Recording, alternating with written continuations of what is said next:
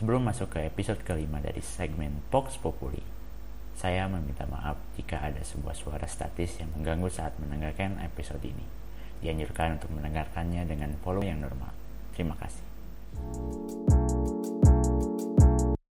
Halo, kembali lagi di segmen Vox Populi bersama saya Adrian Al-Ghazali.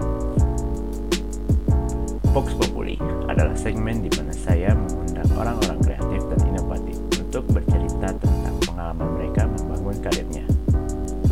Baik dari pekerja kreatif, brand builder, creative movement, dan lain-lain.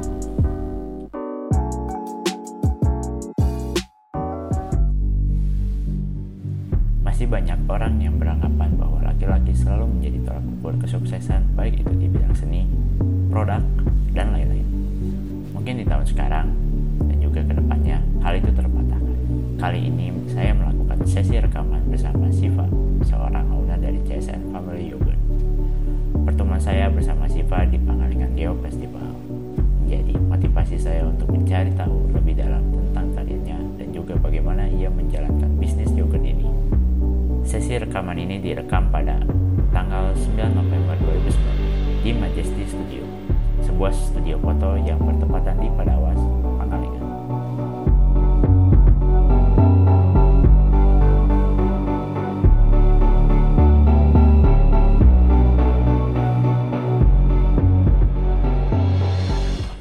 kembali lagi di segmen Fox Populi episode kelima mungkin di sekarang tanggal berapa? 9 9 Bu?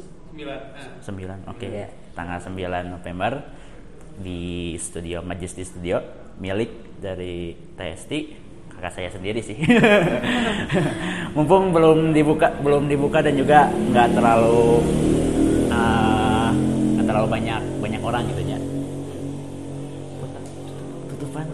punten pisan oke Eh, hari ini saya kedatangan bukan kedatangan mengundang salah satu anak muda yang menurut saya eh, patut dicontoh gitu ya untuk anak-anak Pangalengan atau juga di luar Pangalengan. Mungkin per- bagian yang paling berat perkenalan diri, Sudah. ayo. Terima kasih. Perkenalkan nama saya Siva Robiatla Adawe Wardini. Hmm. Saya owner dari CSN Family. Oke, Om Nadine. Sekarang eh, mungkin kesibukan sekarang gitu, apa gitu? Kalau sekarang sih eh, lebih sibuk ke kuliah. Kuliah. Soalnya saya juga kuliah di Tikes Indonesia, Oh. Fakultas Kesehatan, jurusan D3 Kebidanan. Oke, udah berapa tahun itu berarti kuliah? Tiga semester. Oh, tiga semester Iya. berarti ya masih ya masih lumayan lumayan Iya. lah.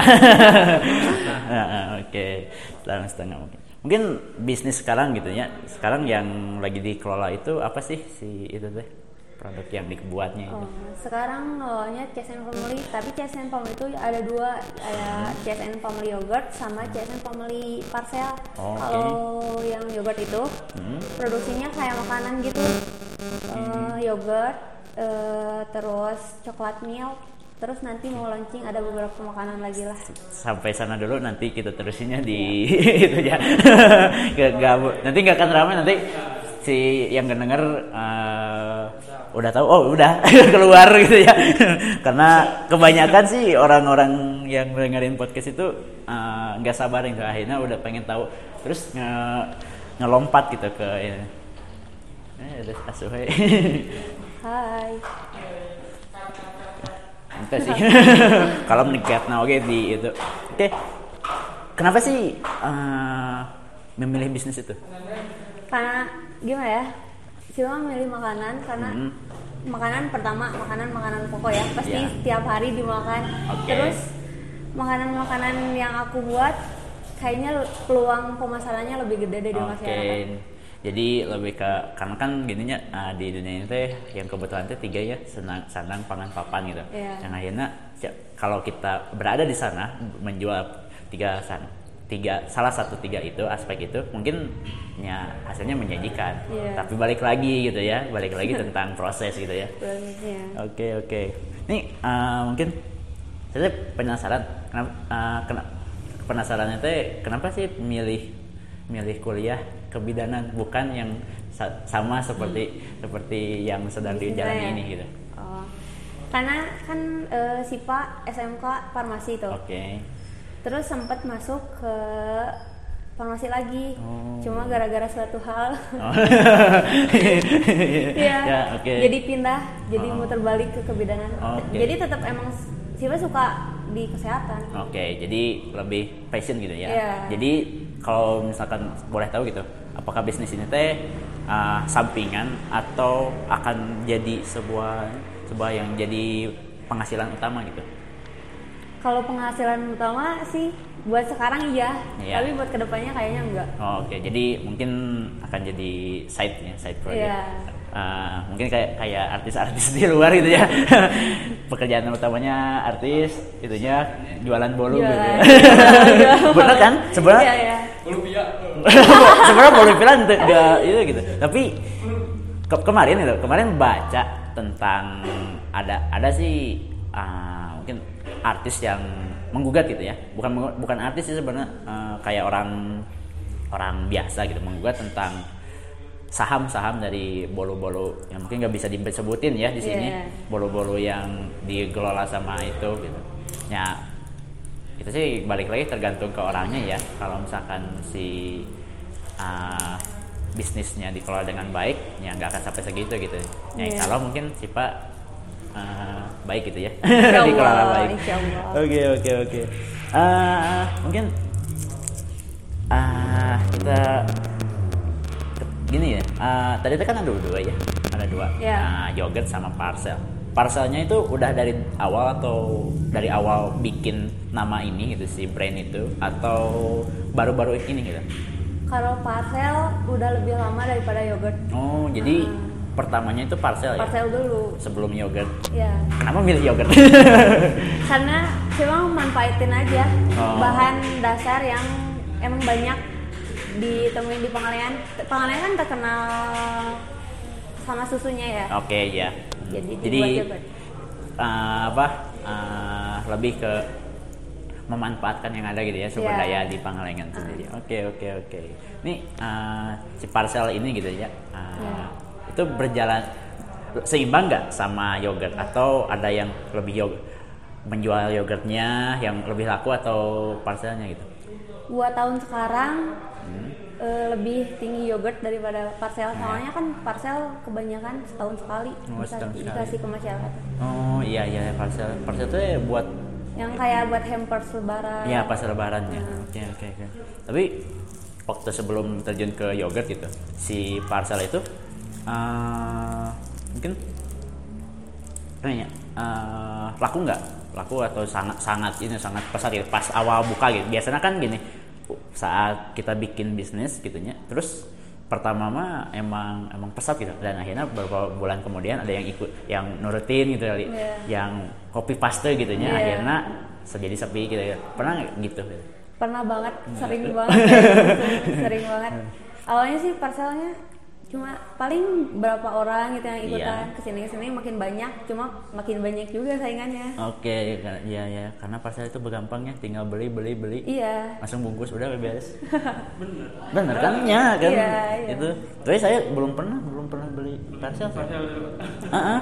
karena satu menurut saya gitunya susah sih kalau misalkan kita parcelnya sebenarnya kan ada yang langsung beli atau kan kalau di ibu saya sih sendiri itu kayak arisan Iya, iya. oh emang. gitu ya Iya, gitu. sama. nah gitu paling nu malesan teh arisana bayar bayar per minggu Iya, sebenarnya saya pengeluaran dari per minggu itu gak gak gentu jangan saya juga pemasukannya gak nentu Iya. oke oke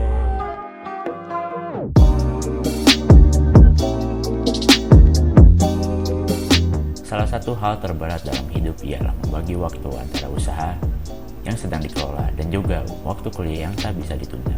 Jika tak bisa menghandle hal tersebut, bisa membuat penat dan juga stres pada diri sendiri. Meski begitu, usaha yang dikelola dari parcel sampai ke yogurt ini tetap berjalan, walau Siva sendiri sang owner sibuk dengan tugas dan kegiatan kuliah yang sedang dijalaninya. Ini mungkin menjadi sebuah pelajaran bagi saya tentang membagi waktu. Mungkin hal itu akan membuat saya lebih produktif lagi untuk ke depannya.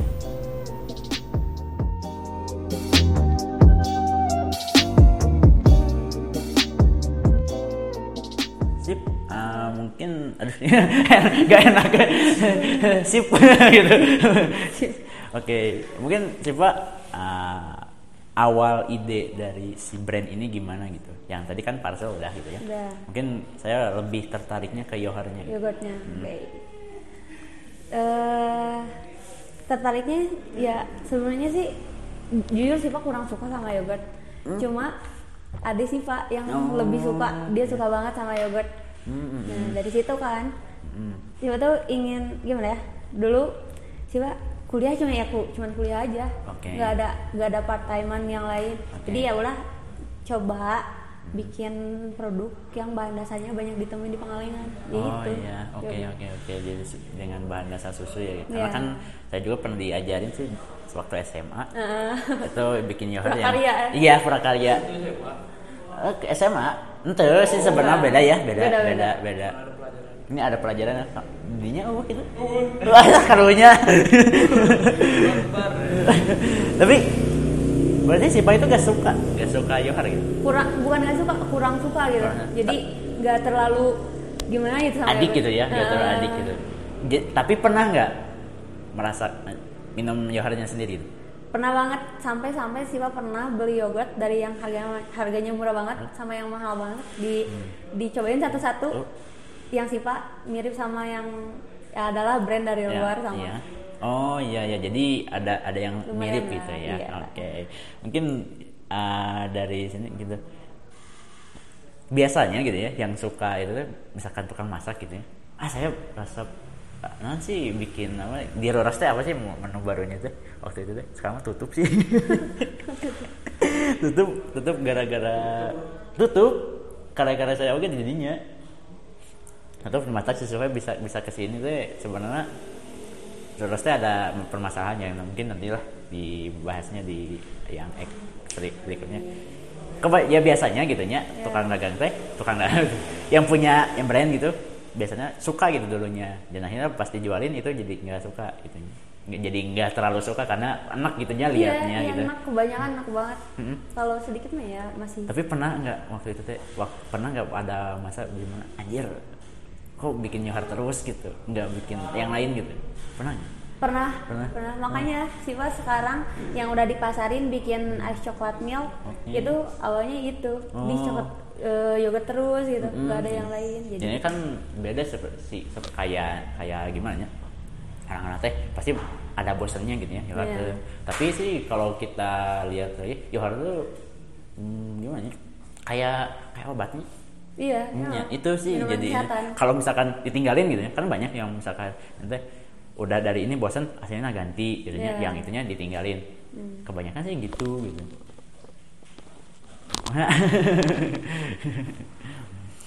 Oke langsung langsung ke per- pertanyaan berikutnya. Gimana sih respon or- orang tua? Respon dari dari ide itu gitu ya Iya, ide. Iya. awalnya mereka di B aja jadi ya udah. Tapi waktu itu kan waktu di PGF itu kan ada ya? iya Ada orang tapi sekarang support. Support banget gitu. support banget. Terus malah gimana? sekarang yang ngelola CSN yang ngelola pekerjanya sales-salesnya mereka Oh. karena kan cuma kuliah Oh iya, jadi sekarang itu si CSN itu si yogurt itu si brand ini mungkin udah udah ada pekerja ya. Udah Berarti penghasilannya udah bisa menjanjikan gitu. lumayan lumayan. Oke oke, mau daftar kerja? eh enggak sih saya mah ayah gitu, ayah kerja sendiri. Oke. Per- gim- pertama mungkin saya pengen tahu gitu cerita cerita pas respon orang tuanya gimana gitu pas cuek gitu gitu cuek ya cuek jadi Siva pernah bilang mas Siva punya uang segini mau bikinin modal ya udah apaan ya kamu udah bikin yogurt ya udah terserah. Gitu doang. Simpel banget Iya. jadinya simpel banget. Tapi sekarang itu ikut andil juga? Iya. Ikut andil. Terus Ya, eh, ya mama eh orang tua bangga mungkin ya? Ya mungkin. Dengan sekarang gitu.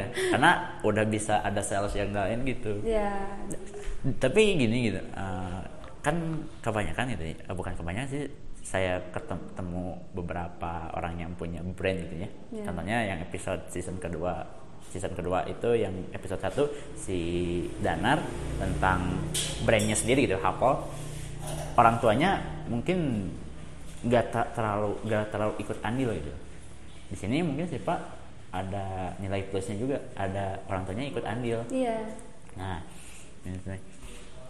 terus gimana ya? Jadi waktu itu pas nggak nggak terlalu ya acuhnya itu sih yang jadi yang jadi loh kok bisa sampai sampai acuh? gitu. Idenya ya soalnya kan mama papa si pak? Kerja juga. Oh, jadi iya. ya udah terserah kamu aja mau gimana gimana juga. Ya udah jadi siapa sendiri bikin sendiri. Bikin gimana caranya? Susah. Bikin yogurt tuh susah banget. Iya iya. Iya sih Iya. juga nilai nilainya bikin nggak- yang enak kalau yang biasa aja ya emang gampang. Iya sih sebenarnya mungkin bikin bikin untuk nilai bagus untuk ke guru parkaya juga waktu itu sangat sangat mustahil gitu. Iya. kalau enggak si prosesnya tahulah laki-laki bikin bikinnya gimana?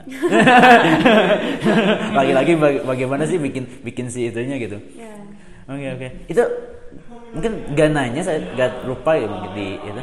Tentang eh, ini si CSN ini itu di di mana sih itunya? Basisnya basisnya di buka, di ru- rumahnya produksinya di mana di Kawin Mulyana di Lok Bako kalau di sini oh pada tahu. Bako ya. Ya. Punya eh, apa keluarga di sana yang tukang kayu?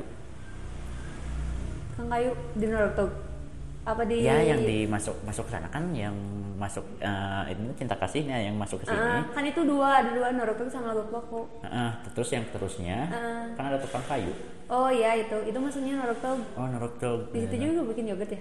Iya, Iya. ya, yang cuman saya udah, udah pernah beli ke sana. karena jauh. Orang sebenarnya bukan gitu karena gini kalau misalkan sama keluarga sama ke- ya mungkin keluarganya keluarga jauh sebenarnya.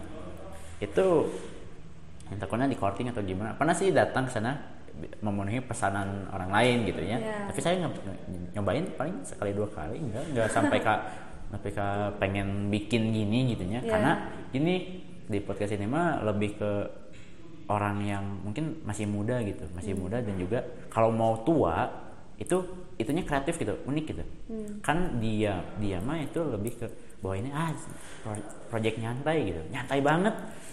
Kalau misalkan produksi nggak?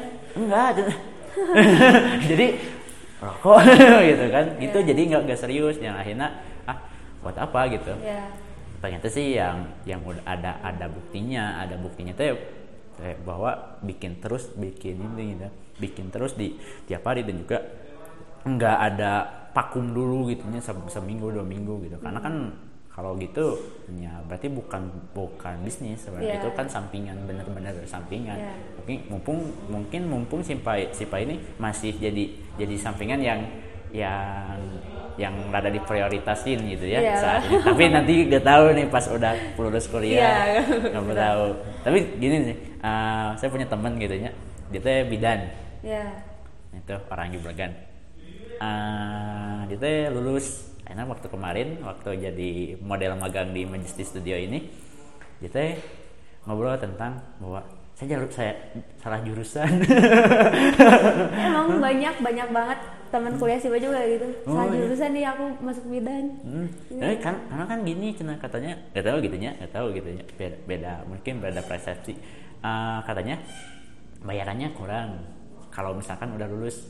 Jadi kalau misalkan kan gini kalau buka buka praktek. buka praktek sendiri katanya harus ada surat atau harus ada kerja. Minimal ada ada kayak sih kalau daftar kerja mah harus ada eh, job itu dulu. Jadi apa ke- kalau pernah kerja setahun Iya, pernah iya, pengalaman nah, dulu. pengalaman itu dulu gitu nah akhirnya katanya cina itu di bawah satu juta katanya tapi gak tahu sih gak tahu gitu dan akhirnya ya daripada ya mungkin dia teh rada putus asa gitu ya untuk Iya. kerja di kerja bidan ya saya, saya rangkul di sini gitu di Majesty gitu. karena gitu saya mah bukan saya sih sebenarnya pengen gitu pengen kalau si studio atau juga dengan podcast ini juga gitu bisa bisa membukakan peluang lai- lagi gitu ke orang-orangnya. Gitu. oke oke lanjut lagi. Mungkin uh, di selama pembuatan buk selama dari ide itu sampai ke sekarang gitu ya ada nggak tantangan yang mungkin berat gitu dilewati atau juga udah terlewati? Ya tantangannya banyak banget banyak banget. Banget banget Iya. ya. Ka- yang awalnya Siva nggak disupport sama mama papa Ya, oke. itu Siva gimana ya susah kan kalau orang tua nggak support kita Iya, juga oke. kita kan bikin pasti di rumah Mm-mm. mereka pasti lihat kalau nggak support di males banget kan Iya. terus selain itu sekarang banyak banget saingannya kalau di yogurt Oh iya. Iya. Sekarang banyak banyak banyak gimana? Iya, banyak. Banyaknya banyak banget Banyak. atau cuman cuma misalkan ada di misalkan yang tahu cuma lima gitu. Eh, kalau banyak banget enggak sih cuma Hmm. ada yang lebih gimana ya orang-orang lebih nyari yogurt yang udah udah terkenal Oh, iya. misalnya luar sama dalam negeri itu udah udah pada kenal kalau aku kan belum Oh, jadi iya, lebih iya. milih yang lain daripada juga aku kan belum masuk Indomaret ya. iya iya, belum ya jadi kan orang itu sebenarnya beli yogurt itu enggak kalau enggak di KPBS itu di Indomaret atau di supermarket. Nah, iya. itu sebenarnya. Jadi nggak ada yang ini uh, apa nyari sendiri gitu bahwa pengen saya pengen yogurt nyari Nah, yang itu. aneh gitu. Enggak kan? Iya. itu sih emang uh, habitnya manusia gitu. Pengennya yang udah instan akhirnya datang ke itu ambil udah bayar gitu. Iya gitu doang. Gitu. Enak atau nggak enak itu mah nggak urusan dia gitu. Iya sebenarnya gitu. Oke Eh, mungkin tantangan yang pernah ke berat itu. Kan tadi eh, ada ya. Ada lagi nggak tantangan ada lagi. Eh, dari proses produksi. Produk produksi. Jadi kan bikin yogurt tuh harus dididihin dulu susunya dipanasin Oke, dulu. iya. Nah, kita tuh awalnya cuma nggak tahu di, di, di panasnya di suhu berapa. Hmm. Nah, sempat waktu itu modal udah gede, terus beli susu udah banyak, berapa ratus liter. Hmm. Eh, ngedidihannya ngedidihannya salah, pecah semua. Rugi jadi ya. rugi oh my Iya. god Itu di, jadi dari situ udah ya ampun males males putus banget. asa gitu ya Iya, bikin Ta- yogurt. tapi dilewati Tapi ya udah, Ya, bikin lagi bi- aja. bikin lagi aja itu ru- ru- ruginya berapa Lumayan. lumayan Lumayan habis berapa juta ya. Wah, mungkin kalau misalkan yang mentalnya ecek-ecek mungkin udah berhenti Udah gitu. lah, udah akan lah. sampai sekarang jadi Iya. CSN ini ya. Udah lah nggak usah bikin lagi. Oke oke oke. Mungkin dari sana gitu ya kita dapat pelajaran gitu ya. Ya.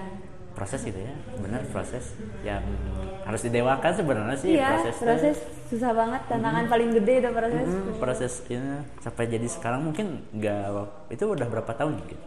Satu tahun. Satu tahun. Ya. Satu tahun itu menurut saya progres yang sangat singkat gitu. Cepet sih.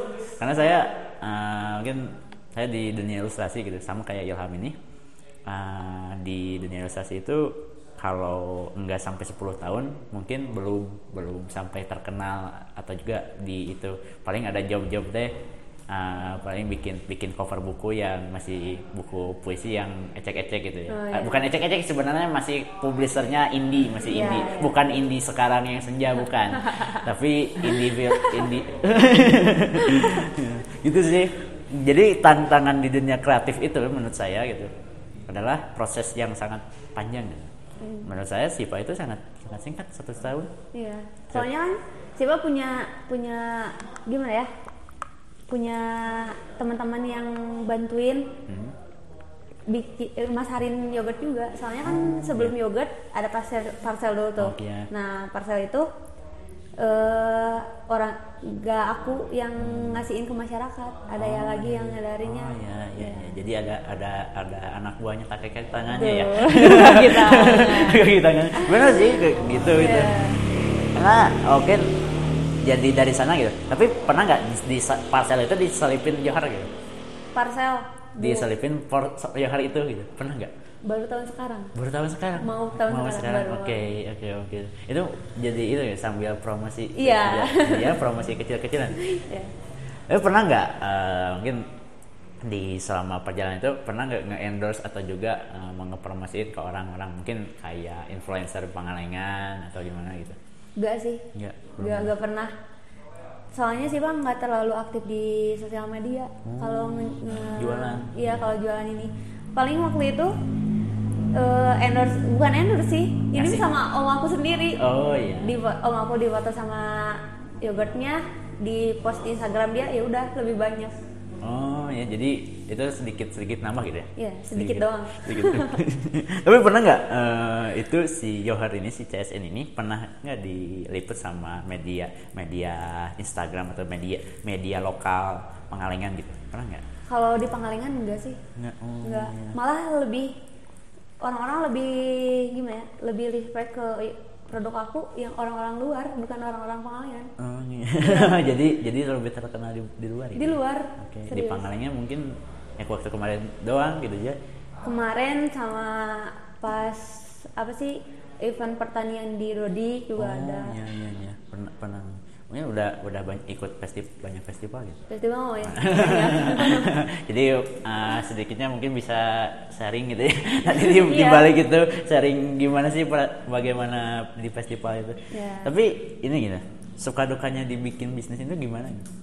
suka dukanya sukanya kalau masyarakat orang-orang menerima produk aku terus mereka suka gitu Hmm. Oke. itu seneng banget ya ya gimana gak seneng orang Iya. banyak yang beli ya Iya gitu kan. Itu kan sih sebenarnya sebenarnya tujuannya nggak Iya. nggak bukan buka nggak munafik gitu ya karena kan gitu teh bikin bisnis itu untuk untuk ny- nyari, ny- mencari Penghasilan. uang kan Iya. penghasilan balik lagi ke kebutuhan karena kan gini kebutuhan kita itu setiap detik bertambah Iya. itu yang jadi ininya dan bagaimana kita bisa menanggul me- bisa menambal itu gitu Hmm. nah enak ya bikin bisnis sendiri karena kan gini contoh banyak sih sekarang kerja kerja di daftar kerja gitu di Indomaret maupun di bagaimana di sih di perusahaan-perusahaan itu sistemnya kontrak loh iya banyak enggak ya enggak enggak kayak dulu yang mau sampai kapan pun yang akhirnya nanti sampai ke, keluar gitu ya Iya.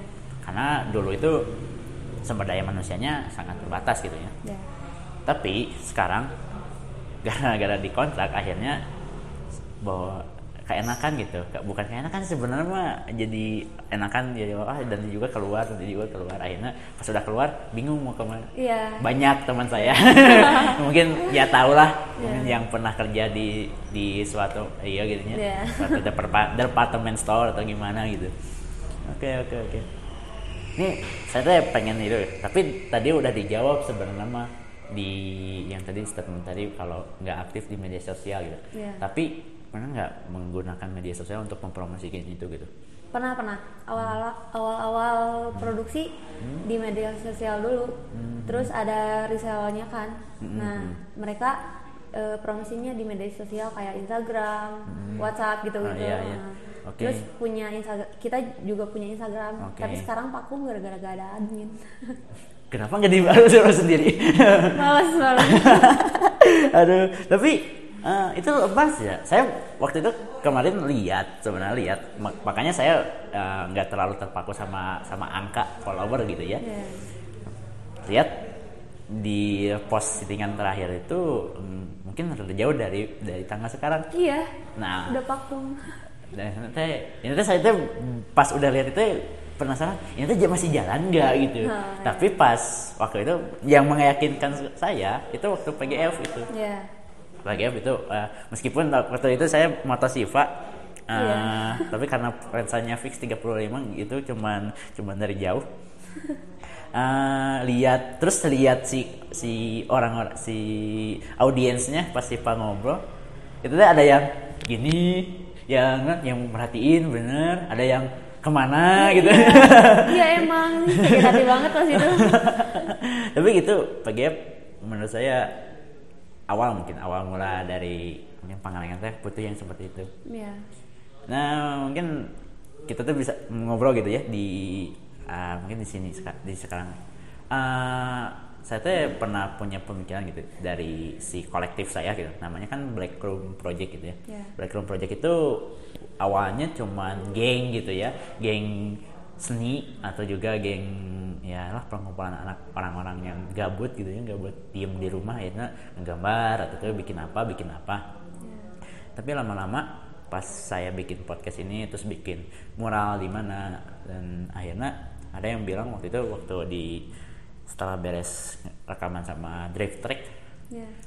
komunitas Drift Track gimana kalau si Black Room ini jadi jembatan antara orang-orang yang bisa yang itu ada potensi gitu buat panganan terus setelah itu kita bikin sebuah acara gitu festival sepengal sepengalengan loh Iya, bagus itu. Nah, yang jadi masalahnya setelah saya belajar dari pameran kemarin, pameran tunggal saya di Pangalengan 11 kedai kopi, eh, yang susahnya itu adalah bagaimana meres, bagaimana media itu media sosial, media media pang, lokal Pangalengan kayak info Pangalengan, ekspor Pangalengan itu bisa datang ke kita, terus mempromosiin juga. Nah itu tantangan karena mereka juga punya punya punya apa? Apa? Tuju, tuju, tujuan sendiri gitu. Iya. tujuan sendirinya itu yaitu bahwa eh, apa? Saya apa sih benefitnya ke kita? Nah itu yang Iya. kalau mungkin kita ngobrol gitu waktu kemarin pameran pameran saya gitu ya pas mau gelarnya itu pertama eh, perdanya itu di Wargi Kopi di Kebun Kacang. Saya ngontek eh, info Pangalengan yang saya tunggu saya pengen ngobrol terus saya punya punya acara gini-gini. Kalau mau ngobrol ayo kita saya tunggu di Ruras siap saya nanti ke sana. Jam 4 jam 6 saya tunggu nggak ada. Dan akhirnya ya udahlah saya sendiri Iya, nggak datang, nggak datang. Dan akhirnya tadi waktu itu Pendi itu ngepost foto yang saya yang di sunset Iya. terus di di lagi sama info pengalengan saya nggak mention tentang itu Oh iya. di komen dia cuman bilang bahwa ayo tuh kita join join Iya. saya udah gak percaya Iya, orang-orang pengalengan, eh orang pengalengan ya banyak lah, tapi nggak semua adalah oknum-oknum yang kalau kita ajak join, nggak apaan sih gitu. iya gitu Tapi sekarang malah dia yang minta. iya nah gitu akhirnya saya tuh bingung gitu untuk bikin acara itu dan akhirnya ya kemarin waktu itu ah udah terwakilin gitu meskipun gitunya itu menurut saya targetnya kurang target target audiensnya kurang Ya. ya kalau festival mungkin nggak nggak seperlu harus ada harus ada kursi seperti itu kayak hajatan menurut saya gitu kan Iya. Itu sih. Oke oke. Sebenarnya balik lagi ke pertanyaan mungkin. Ah, nih ada nggak rencana untuk ngaktifin lagi si media sosial itu? Si akun CSN Akun itu? CSN. Nah, ya. Eh, kalau ada adminnya, kalau ada yang mau kerja di aku, bisa bisa jadi. Bisa jadi aktif lagi soalnya eh di SIPA pekerja cewek-ceweknya lebih lebih di packing. Oh, jadi iya. nggak nggak ada yang di administrasi. Ya, Eh, Eh, tapi nggak- pernah nggak berpikir kalau misalkan si akun itu dipegang oleh sendiri gitu? Setidaknya eh, posting doang. Pernah nggak berpikir seperti itu? Eh, sempet sih, cuma ingin ingin sebenarnya ingin banget akun itu dipegang sama Sipa sendiri. Cuma sekarang Sipa banyak praktek kuliah. Ya Oh, sibuk. iya, jadi ya sibuk sibuk kuliah semungkinnya Iya. tapi mungkin ya untuk para pendengar mungkin di di mana kalian berada Iya. kalau mau jadi admin bisa kontak Boleh. di Instagramnya ya Iya. Instagramnya ada dua loh itu saya mau kontak mau yang mana tadinya mau Di- kontak langsung Oh di Instagramnya yang Instagram CSN tuh CSN Pamyo. Terus tapi? Instagram yang pribadi itu Oh, yang pribadi. tadi tadinya mau ngontak ke pribadi sebelum Oh, minta minta iya. kontak WA. Instagram pribadi yang underscore Sifarobiatul. Oke, mungkin nanti saya follow. Iya. follow back juga kan. Oke oke.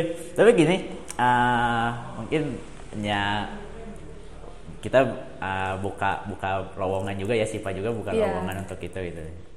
Eh, untuk bayarannya nggak tahu berapa sih. Oh, oke. Tapi jangan dulu nu- nuntut bayaran. Kalau misalkan anda fresh graduate tentangnya tahu lah tentang bayar. Tapi sebenarnya nyantai sih jadi admin admin gitu. Nyantai nyantai banget. Yang Siva ingin yang jadi admin CSN Pamyo itu dia tuh nggak sekedar eh, megang admin, tapi dia tuh bantu administras administrasinya juga. Soalnya kan iya. lumayan lah sekarang ada lumayan banyak sales dari di CSN. Mm-hmm. Nah, gak mungkin kan dipegang sama satu orang, bingung juga gitu. Oh, iya, iya, iya. Eh, jadi ya sama-sama lah gitu. Tapi ini gini, eh, saya punya pertanyaan eh, tentang si C, waktu itu gitu ya, waktu PGF CSN ini bisa bisa masuk ke PGF itu lewat mana gitu? lewat eh, mahasiswa UGM-nya ngontek ke eh, koperasi koperasi UMKM yang ada di Pangalengan Oh, Nah. oh jadi, itu udah masuk juga ke operasi UMKM. Pangalengan itu. Nah, jadi di kontak nggak itu juga terus si mahasiswanya kan dia nyari nyari nyari UMKM di setiap desanya nah Oh iya. nah di desa aku aku Oh, yang iya. kelihatan. Oh iya iya iya. Jadi emang mungkin dari sana. Kirain itu ada ada yang beli atau gimana tuh karena kan gini kemarin itu kan lebih lebih disorotnya di PGF itu eh, apa star energinya iya. Waktu itu per- oh berarti si Pak ini udah udah di udah di apa? Udah dibiayain sama star energi gitu. Iya emang sih. Oh emang juga? Oh, emang. Terus bisa cerita gak eh, tentang bagaimana bisa sampai bisa tahu sampai ke star energi gitu? Eh, awalnya Sipa nggak tahu apa-apa ya tentang UMKM di Pangalengan. Iya. Nah, terus Papa Sipa punya kenalan yang ada di koperasi yang eh, ngelingkup UMKM di Pangalengan itu. Oh, Nah, koperasi itu join sama Star Energy. Oh, terus iya, si Star Energinya nyari UMKM yang potensinya bagus yang mana nanti Hmm. dimodalin. Nah, Oh gitu gitu jadi. masuk. Oh iya emang karena uh, mungkin si Star Energy itu mungkin emang harus ada laporan seperti itu gitu ya. iya. Mm. Cuman uh, menurut saya ada sih yang kalau untuk Siva itu menurut saya itu worth it gitu dikasih dikasih misalkan dana terus ada gitu buktinya kita jualan. Iya. Tapi gini gitu, realitanya di Pangalengan itu saya melihat gitu, ada suatu lembaga, bukan lembaga sih sebenarnya sih kayak gitu gitu, yang fok- berfokusnya di pertanian. Dia eh, apa? Setiap eh, ada itu acara itu cuman lomba, bukan didikan. Padahal kalau misalkan kita lihat gitu dari kan uang dari katanya uang dari sana itu lebih lah dari 10 juta mah bahkan ratusan gitu katanya Iya. katanya ke si lembaga itu nah akhirnya saya tanya, kok dapat segitu tapi sosialisasi ke masyarakatnya cuman Nah, itu. cuman itu akhirnya saya tanya, oh my god Iya. Jadi gimana ya banyak yang punya UMKM di Pangalengan itu cuma ngebodohin yang ngasih modal. Iya. Ya, jadi bilang ke yang mau ngasih modal kita tuh jualan di sini di sini sini banyak gitu. Terus kita butuh ini ini ini jadi dimodalin banyak. Sedangkan aku kan aku jadi ya udah kita jualan gini ngomong gitu, juga jadi sama nggak ada yang harus dibohong-bohongin nggak ada Iya. harus di, dilebih-lebihin jadi kalau modal ke Siba nggak terlalu gede sih Hmm. Ya karena gitu ya lah mungkin saya nggak mau nge-mentionnya karena udah di episode episode kemarin udah di mention sebenarnya dan juga dan juga masih sebenarnya. Iya. karena ada juga keluarga keluarga yang ikut ikut andil di sana yang nggak terlalu dekat sih sebenarnya. Karena kan ya dari sana sih dari sifat ya dari sifat sana gitu. Yang uh, apa dari sifat sana saya teh nah sih uh, bikin lembaga seperti ini tapi nggak ada ininya ke Pangalengan contohnya gini kita pernah dengar banyak komunitas yang mengatasnamakan Pangalengan bahwa kita bareng kita kita maju bareng atau gimana gitu. Tapi dalam keadaannya eh dari realiti realistisnya itu adalah dia nyari keuntungan sendiri gitu. Iya. Itu menurut saya nyalah pekerjaan yang mungkin nggak nggak akan berkah gitu. Iya emang bohongin orang. Iya bohongin orang. Ya, mungkin di Pangalengan menurut saya gitu butuh kayak Sipa gitu bisa menyadarkan bahwa kalau kalau kita dikasih modal seperti itu teh harus harus apa Hmm, harus realistis gitu ya pekerjaannya juga Iya. hasilnya juga dan juga nggak nggak harus ada yang mengada-gada memasukkan apa apa gitu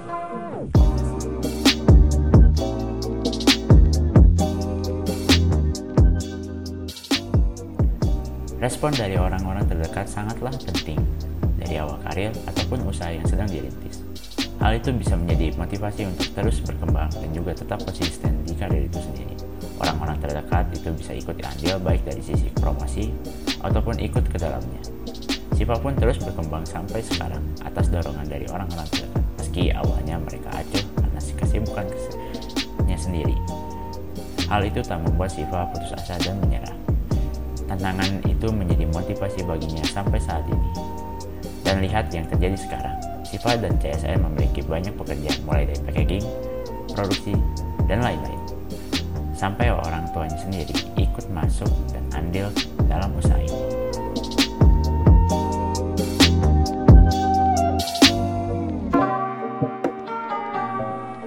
Ah,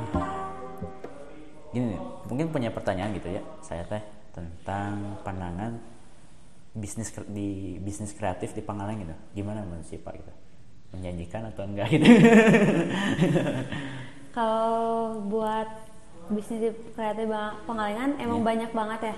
Iya. Tapi emang banyak juga yang orang-orangnya nggak terlalu aware gitu, Oh, nggak iya. terlalu aware sama sama si bisnis itu. Kayak yang kemarin sih Pak pernah lihat ada eh, yang bikin kerajinan dari kayak kayu kayu-kayu bekas gitu. Oh, iya. Tapi emang bagus. Tapi orang-orang di, di sini tuh kayak nggak nggak ngehargain gitu. iya Di, kasihan banget. itu yang di PGF ya Iya. itu teh itu bikinan bapak saya loh Oh iya. Tapi selain di PGP juga ada yang dari mana sih Cibolang gitu kalau salah. Hmm? Ya. Ada yang, yang bikin juga. Cuma orang ya itu orang-orang yang nggak terlalu ya aware. sih sebenarnya kan bapak saya juga itu yang ikut andil gitu di Kapawon itu gitu yang bikinnya masih bukan bukan bapak saya kebanyakan banyak pengrajin yang di Pangalengan cuman mereka itu hanya hobi gitu bukan ke bisnisnya gitu Iya. padahal kalau dijual lo uangnya loh Iya, gitu ya itu- kita balik lagi gitu ya uang ya gitu Itu bagus banget kalau dijual. Iya Jadi gitu, cenderamata cenderamata yang unik gitu. Cuman jadi orang Pangalengan sendiri nggak nggak sadar gitu, nggak sadar tentang wah ini kita punya ini, kita punya ini. Soalnya kan gini, si Pas se- sendiri sebagai contoh yang hidup gitu. Hmm. Kita punya produk-produk Yohar ya yang yang bisa nyaingin sama sama KPBS sama yang lain gitu ya di Pangalengan gitu ya. Iya. Tapi orang Pangalengan sendiri nggak tahu, nggak cuman konflik we aja konflik Iya. tentang ya lah perbedaan paham atau gimana gitu tanpa ada ada support itu gitu Iya. Itu mereka sih. nggak mereka nggak apa ya nggak terlalu peduli sama perkembangan di Pangalengan. iya mereka bawa kiblatnya itu Bandung aja lah Bandung gitu ya lo lo gitunya kalau misalkan misalkan ada brand Bandung gitunya kayak sepatu atau oh bangga Ba- Bandung jadinya pengaruhnya kapan Iya, nah gitu. itu sih jadi jadi uh, homelandnya sendiri gitu ya uh, apa tanah kelahirannya sendiri nggak diperhatiin gitu. Iya kita orang Bandung Bandung Selatan. Kita itu terfokus, itu terlalu terfokus ke di luar gitu. Banyak kan- kenapa banyak yang cari kerja udah misalkan kuliah gitu.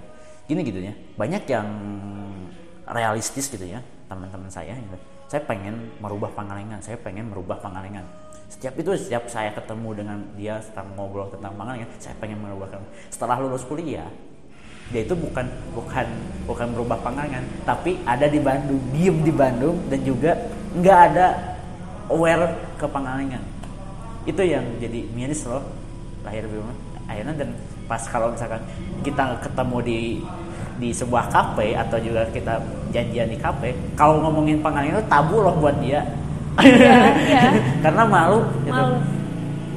orang Pangalengan yang gunung itu Iya emang banyak gitu. Contohnya gini, siapa punya saudara oke yang emang dulunya eh, mau sukses buat biar bisa eh, bawa nama Pangalengan lebih bagus lagi. Iya. Sekarang dia diem di Jakarta, Nah, bikin gor di Jakarta. Iya, itu itu contoh realistisnya gitu.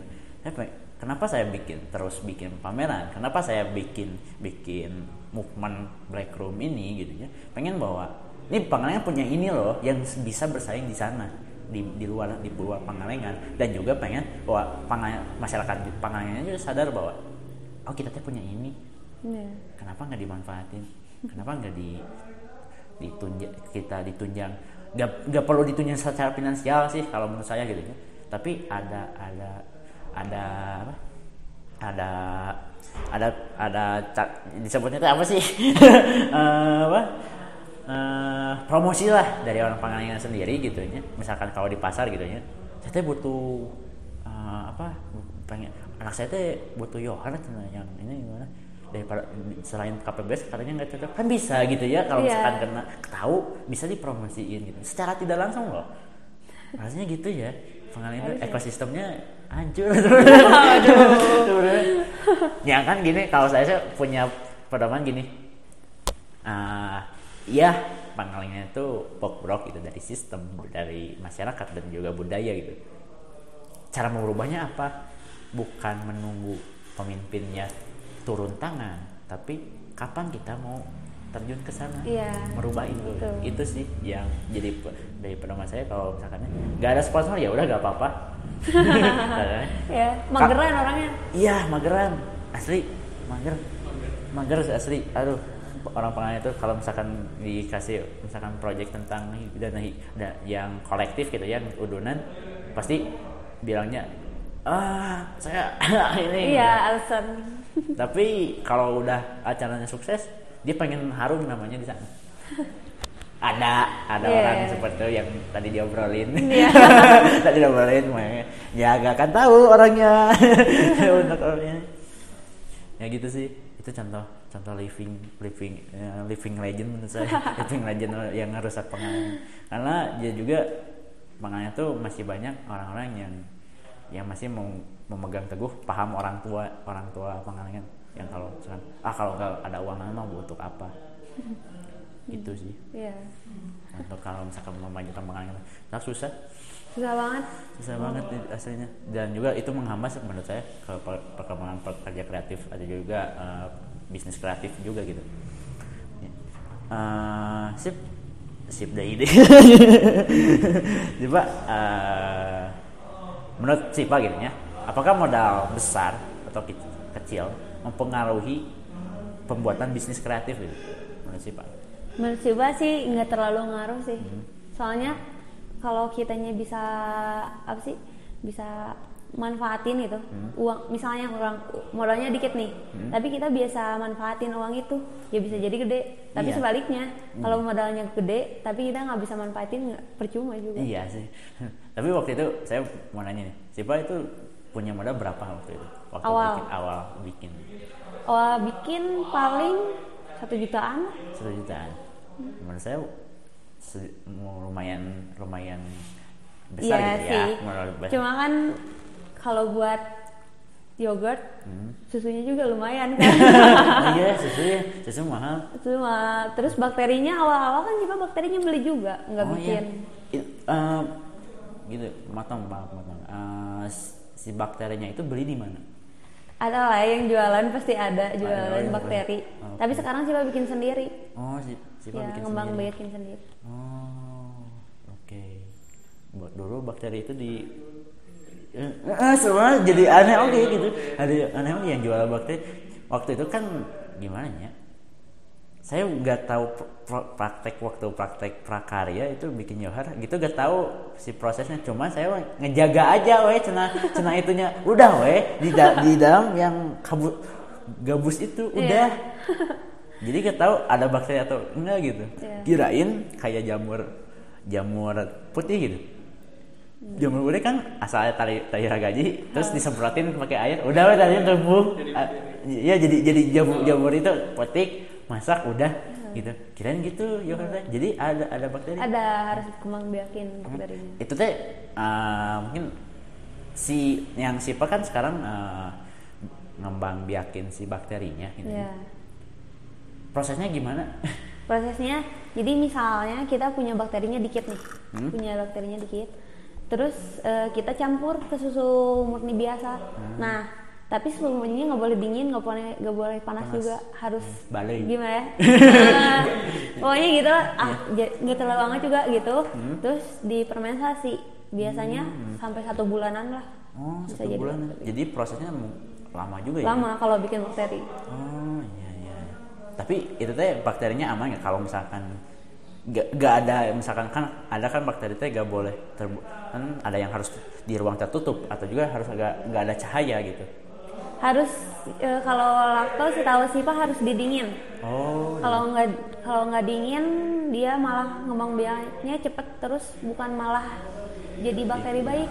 Dia malah ngerusak sama tubuh makanya yogurt sipa nggak boleh ada di luar freezer. Oh iya iya iya. Jadi gak, gak boleh dikeresekin gitu ya. Bukan, eh, jadi kalau di luar freezer paling kuat satu hari. Satu hari. kalau enggak ya dia makin asam Bu- bukan basi sih tapi dia si fermentasinya lebih lebih cepat jadi lebih asam juga.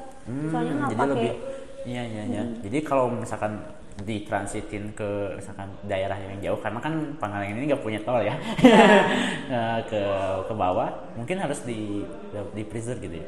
Nggak di freezer kalau misalnya kalau daerah Bandung Hmm. masih masih keburu satu hari kan jadi masih bisa. Tapi kalau ke Jakarta? Ke Jakarta waktu itu sempat ke Jakarta ke Jogja ke Bekasi emang Ya, harus eh, di di kulkas ya, gitu. nggak di kulkas juga cuma dibekuin. Oh dibukuin ya kalau Jadi- dibekuin kan dia masih dingin tuh. Oh iya sampai ke tapi kan di perjalanan mungkin jadi leleh ya gitu pakai es pack kan.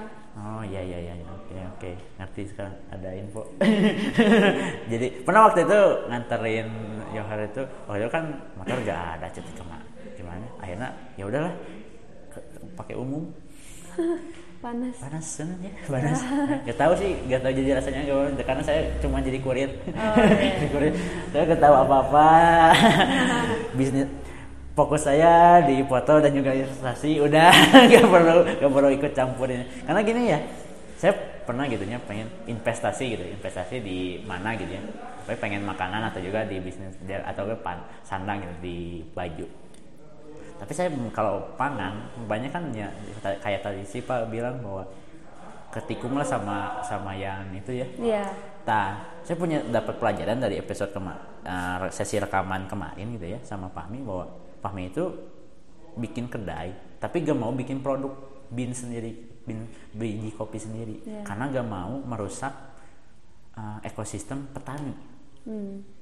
akhirnya terbuka gitu bahwa kan kebanyakan gini ya orang-orang teh marak ya pengen buka ini buka ini buka ini akhirnya wah banyaknya contohnya gitu ya kita bisa contohnya orang Padang. Orang Padang itu kalau misalkan orang tuanya masakan Padang anaknya jualan baju cucunya jualan apa jualan apa. Iya. terus seperti itu gitu jadi semua ada gitu. Hmm. Nah, beda lagi dengan Cina gitu. Turun temurun 7 sampai tujuh turunan tetap ya. Contohnya tukang misori tukang nog di Iya. Pangalengan itu terus ya tujuh turunan telur we. iya. Nog terus. Saya pernah waktu di Bandung saya beres lebaran tahun kemarin beli beres beli be- beli ini sih barang-barang. Teh mesen ah mobil aja lah teh capek gitu datangnya orang Cina. Saya biasanya saya mah sering bacot. Gitu ngobrol. Akhirnya pak saya teh orang Pangalengan pak cina. ah Pangalengan iya Pangalengan yang di gunung itu? Iya. Bapak itu cina lahir di sana. Pak terus dia bilang oh keluarganya Misori jadi akhirnya oh begini tapi ya itu katanya dia teh yang kuburan Cina yang di itu ya kalau kuburan kacang kelihatannya Iya. itu teh kakeknya.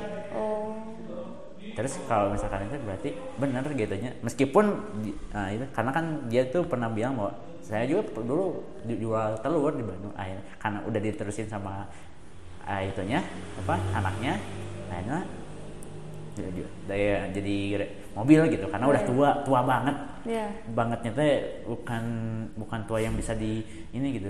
Tapi tua pisan kalau untuk nyopir gitu nya Iya. takutnya teh serangan jantung di, di tengah jalan gitu. Nah, makanya saya gua, siap-siap ya siap-siap. Aduh gua. gitu sih. Itu kayak gitu. Jadi saya punya dapat pelajaran gitu dari Fahmi dan juga dari beberapa orang gitu ya yang yang saya kasih ya sa- saya ngobrol gitu sama mereka. Eh, tentang pelajaran bahwa bisnis itu sebenarnya harus sehat gitu. Sehat itu nggak nggak merusak ekosistem orang lain. Iya. karena kalau misalkan si ekosistemnya rusak gitu kita tuh dapat ada kan ada hadis gitu ya, katanya kalau usaha usaha itu boleh tapi kalau merugikan orang lain dapat do- do- dosa. Iyalah. Itu yang jadi mungkin ya itu aware gitu ya eh, bukan aware gitu jadi ya peringatan gitu dari orang sendiri. Oke. Mungkin si Pak punya modal satu juta itu jadi. Untuk kalian yang punya modal berapapun juga menurut saya jadi juga ya sih. Nggak, saju- satu juta emang emang lumayan ya. Iya. Tapi kalau misalnya punya dikit misal cuma seratus ribu doang ya udah bikin aja. Iya. Ya bikin. Kalau kata kata Tokopedia mulai aja dulu. Nah itu kok endorse Tokopedia anjir? Aduh. Iya iya iya oke. Ayo, terima kasih Tokopedia. Padahal gak di endorse sih aja Tokopedia. Itu iklan iklannya eh, earworms ya apanya? Earworm to iklannya waktu itu waktu disiarin di beberapa cha- channel yang mulai aja dulu. Jadi akhirnya orang-orang mulai aja dulu. Iya. mulai ya ampun. Influence banyak orang. Influencer banyak orang. Bukan influencer sih sebenarnya. Oke oke. Eh, ini sip pernah eh sip dari astagfirullahaladzim. Siva eh ini perlukah ada naungan gitu ya yang rangkul bisnis bisnis kreatif gitu di Pangalengan. Selepas bukan itu yang UKM itu gitu.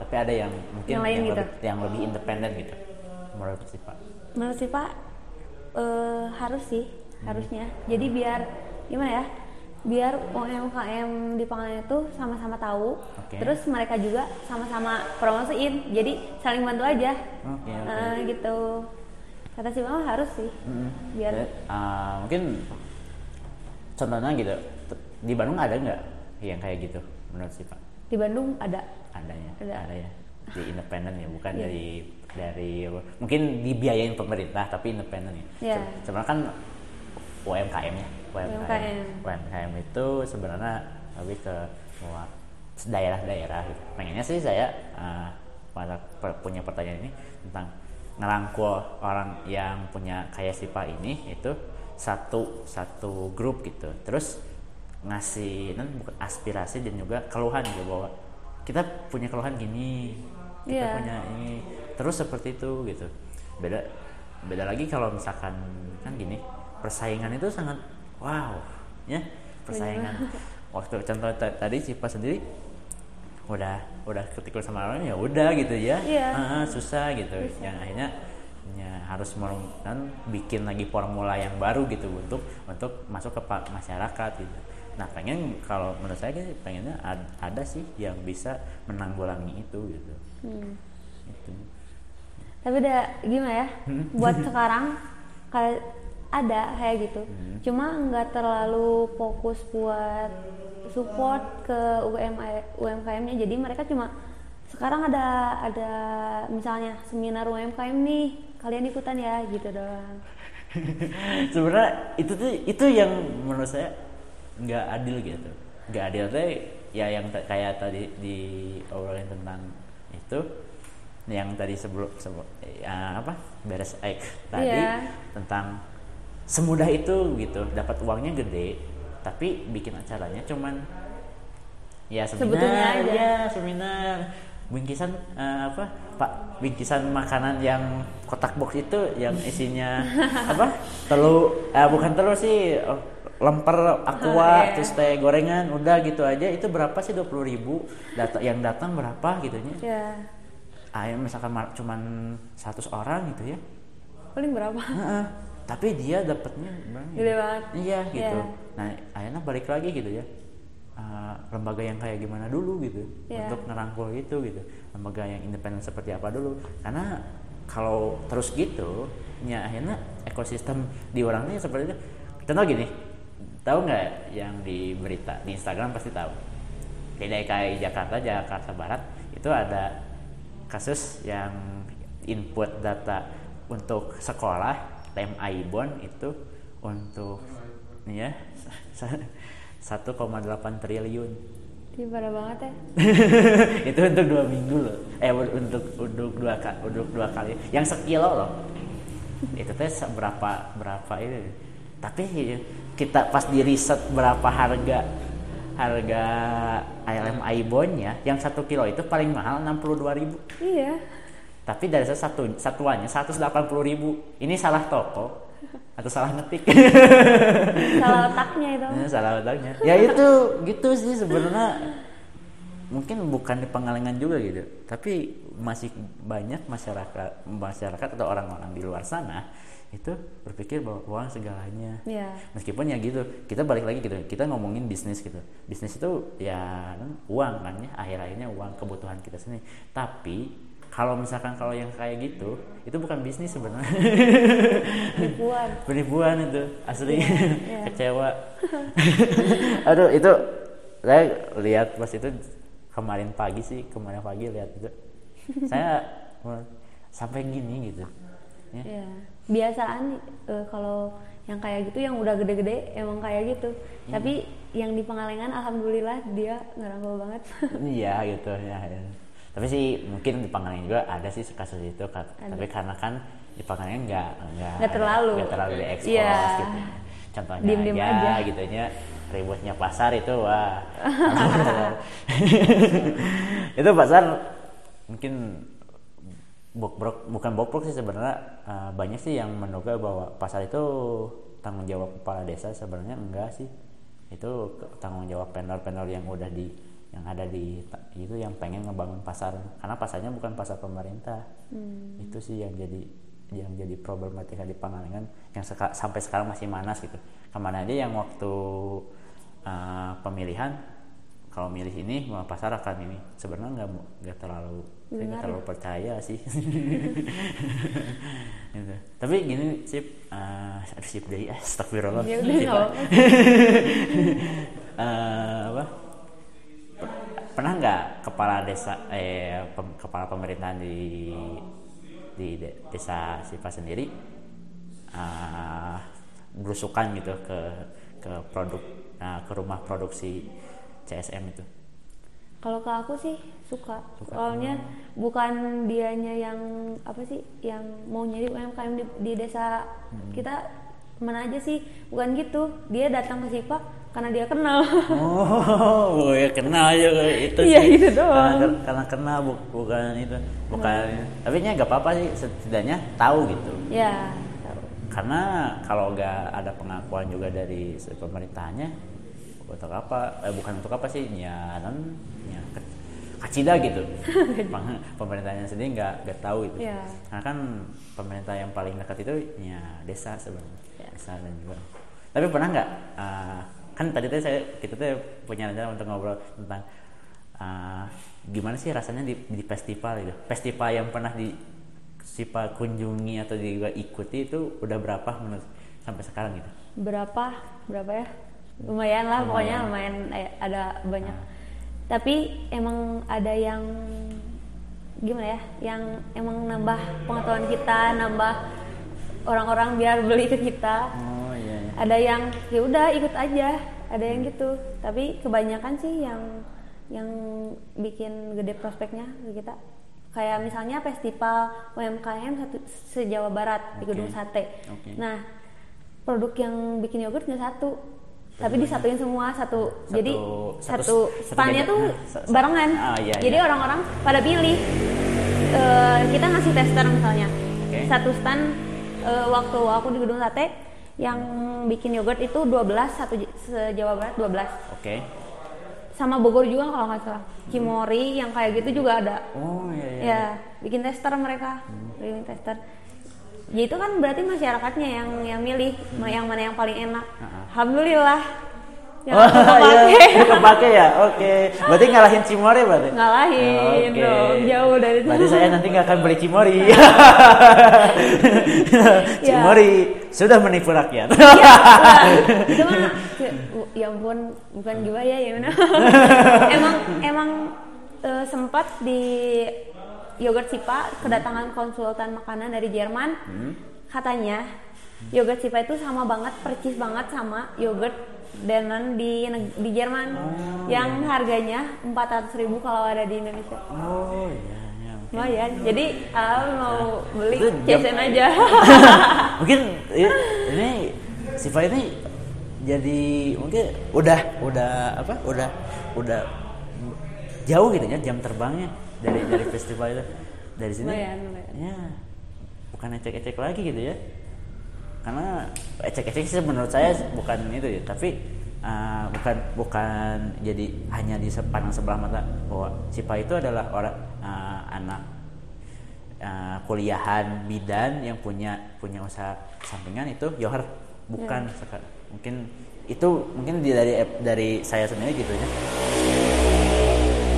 Da- dari saya sendiri akan merubah uh, mungkin pemikiran bahwa Sipa itu bukan bu- udah bukan lagi sis- sis- siswa eh mahasiswa kebidanan saya. itu udah entrepreneur entrepreneur muda karena dari track recordnya yang tadi Sipa bilang itu udah menjanjikan bahwa Sipa ini udah punya udah jam terbangnya udah tinggi loh udah udah bisa udah ada ya yang tadi teh yang dari Jerman tadi terus Iya. yang yang sa- disatuin satu boot satu boot sama johor-johor lainnya alhamdulillah bisa bisa menyaingi dari sana gitu jadi dari waktu di Bandung eh, yang di gedung sate itu itu adalah yang paling memuaskan gitu ya festival yang paling memuaskan kata Siwa buat sekarang Ya. sejauh ini emang itu paling jadi gimana ya puas banget gitu bisa Oke. ngalahin nah eh, mungkin eh, kalau ada festival lagi gitu ya atau juga ada sih mungkin festival kan banyak ya Ya. yang yang satu tahun sekali yang Ya. lima tahun sekali. Pernah nggak ada cita-cita ikut festival mana gitu? Festival eh kalau sekarang sih buat cita-cita mah belum ada sih. Belum ada. Eh, tapi cuma kalau misalnya ada yang undang buat ikut festival atau ada siapa tetap cari tahu juga festival di mana yang emang worth it buat siapa ikutan. Oke. nah baru ikutan. Iya, tapi sih bakal, bakal bakal diprosesnya lebih gampang gitu. karena karena udah oh ini udah ik- pernah ikutan festival ini udah fes- ikutan festival udah ada ini. yang tahu lumayan. Udah ada yang tahu gitu. Oke oke oke. Oke mungkin aduh Sipa asli. Benar membanggakan. Eh asli serius serius saya, mm, untuk iya gitu ya cewek loh cewek gitu. Itu yang intinya. Karena kan banyaknya kita teh menurut saya gitu ya saya itu gak terlalu teng ke laki-laki teh gitu ya Iya. oh, li- lihat teh bahwa laki-laki adalah itu gitu ya yang harus menjadi kiblat uh, dari brand atau apa gitu. Tapi cewek juga bisa loh saing saingan sama ini. Ya Iya. akhirnya uh, kesetaraan gender itu dari sini. Iya. itu sih ya akhirnya cewek itu nggak dipandang sebelah mata cuman masak doang Iya. gitu Oke. oke oke nih siapa mungkin nanya lagi gitu Ah, menurut siapa gitu pemasaran online apakah lebih menjanjikan daripada off- offline gitu? lebih menjanjikan offline buat Sipa kenapa karena Sipa lebih ba- lebih lebih aktif di offline kan Oke, lebih iya. Oh, jadi iya, iya. ya jadi lebih banyak salesnya daripada yang di Eh, tapi mungkin salesnya itu online sebenarnya ya? Atau Eh, li- kalau reseller yang kayak yang part time ya sampingan doang Ah. online. Tapi kebanyakan sih yang enggak yang enggak online. Hmm. jadi yang kayak ke warung-warung ke kios-kios ngedarinnya gitu. Oke, tapi menurut Sipa gitu, eh, apakah kalau misalkan gini ya untuk orang-orang yang mau memulai bisnis bisnis baru gitu, dari baik dari produk atau produk seperti makanan atau juga sanang pangan papan gitu ya, lebih baik memasarkan online atau offline?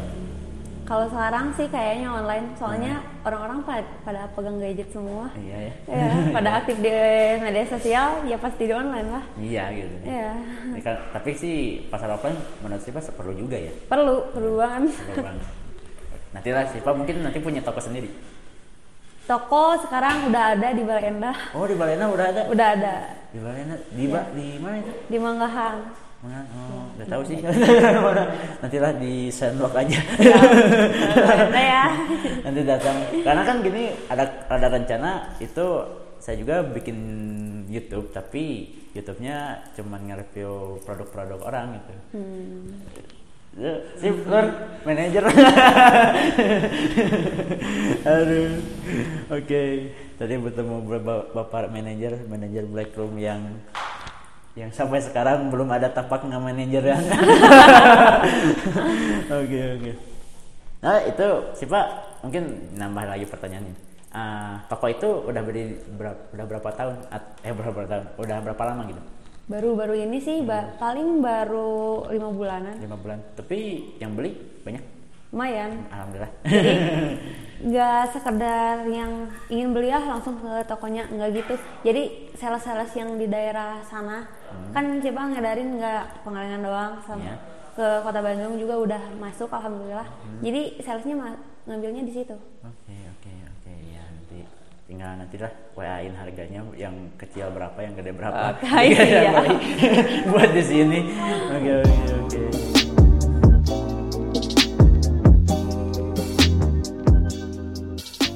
Dengan adanya usaha-usaha kecil dan menengah yang berkembang di Pangalengan belum tentu bisa merubah pandangan masyarakat itu sendiri. Masih banyak orang-orang Pangalengan sendiri yang belum tahu dan acuh terhadap perkembangan Pangalengan di bidang sandang maupun pangan, baik itu kecil maupun menengah. Hal itu bisa menghambat perkembangan Pangalengan sendiri. Setidaknya para masyarakat tahu tentang usaha kecil atau menengah itu dan juga ikut mempromosikan ataupun membeli produknya agar menjadi motivasi bagi sang owner untuk terus berkembang. Bayangkan jika produk-produk Pangalengan bisa dijual di toko-toko retail lokal maupun internasional. Apakah hal itu akan terwujud?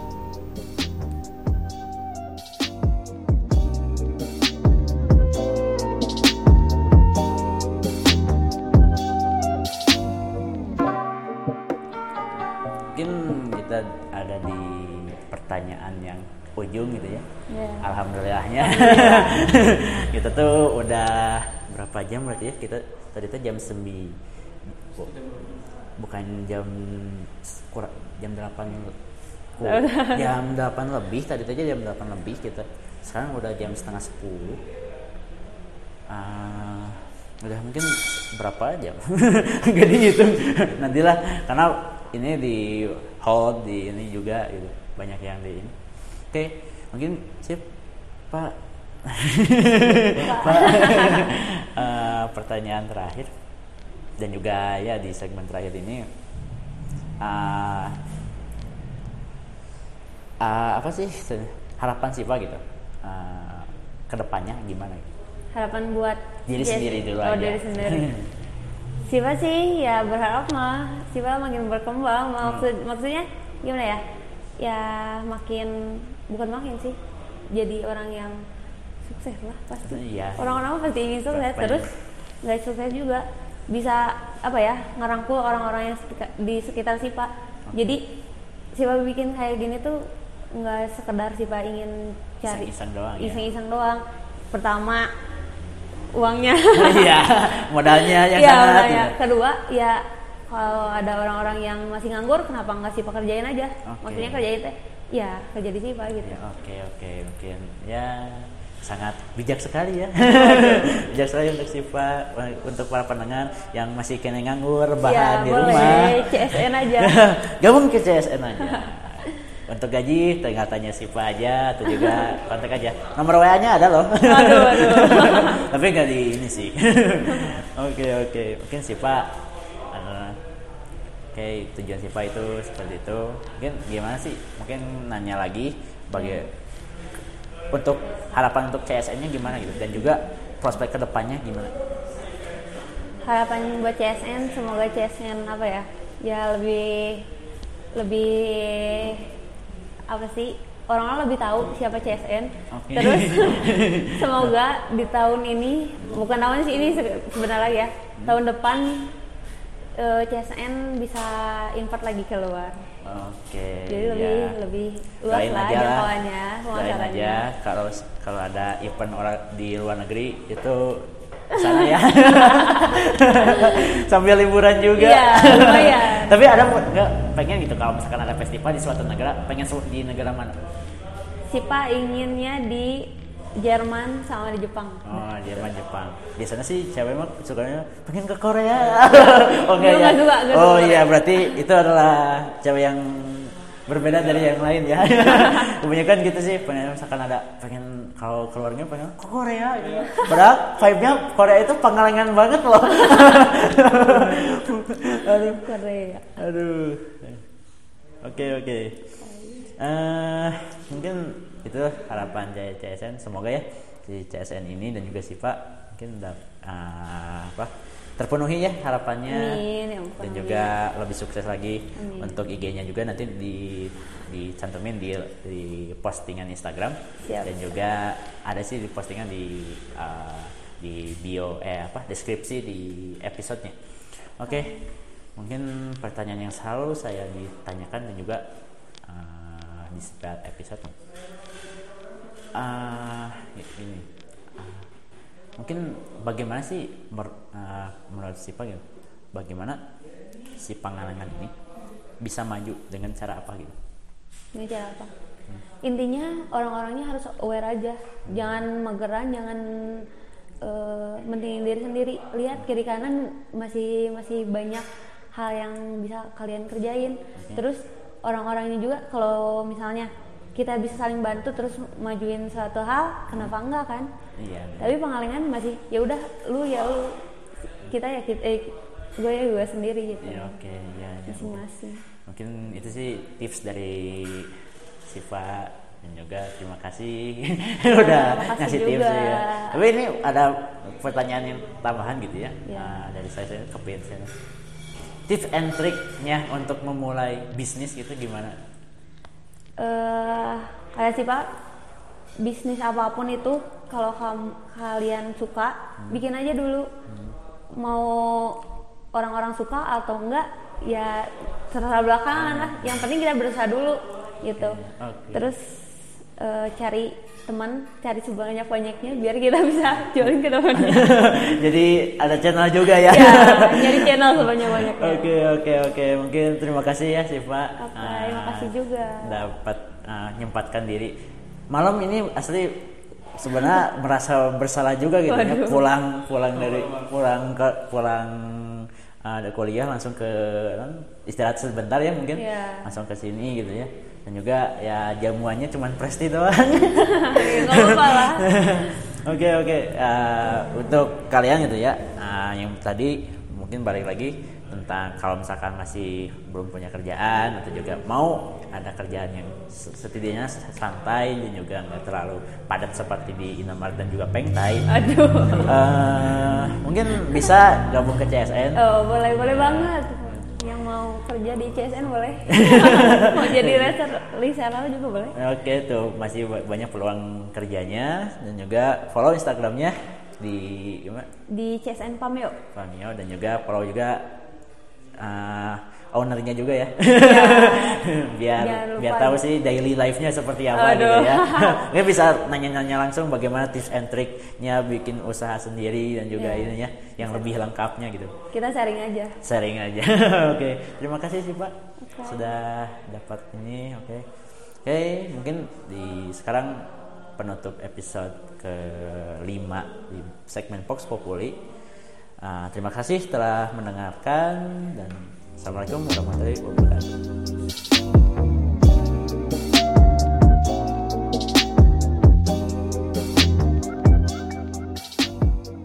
Terima kasih telah mendengarkan segmen Fox Populi di Breakroom Podcast. Support podcast kami dengan follow Instagram at breakroom underscore podcast.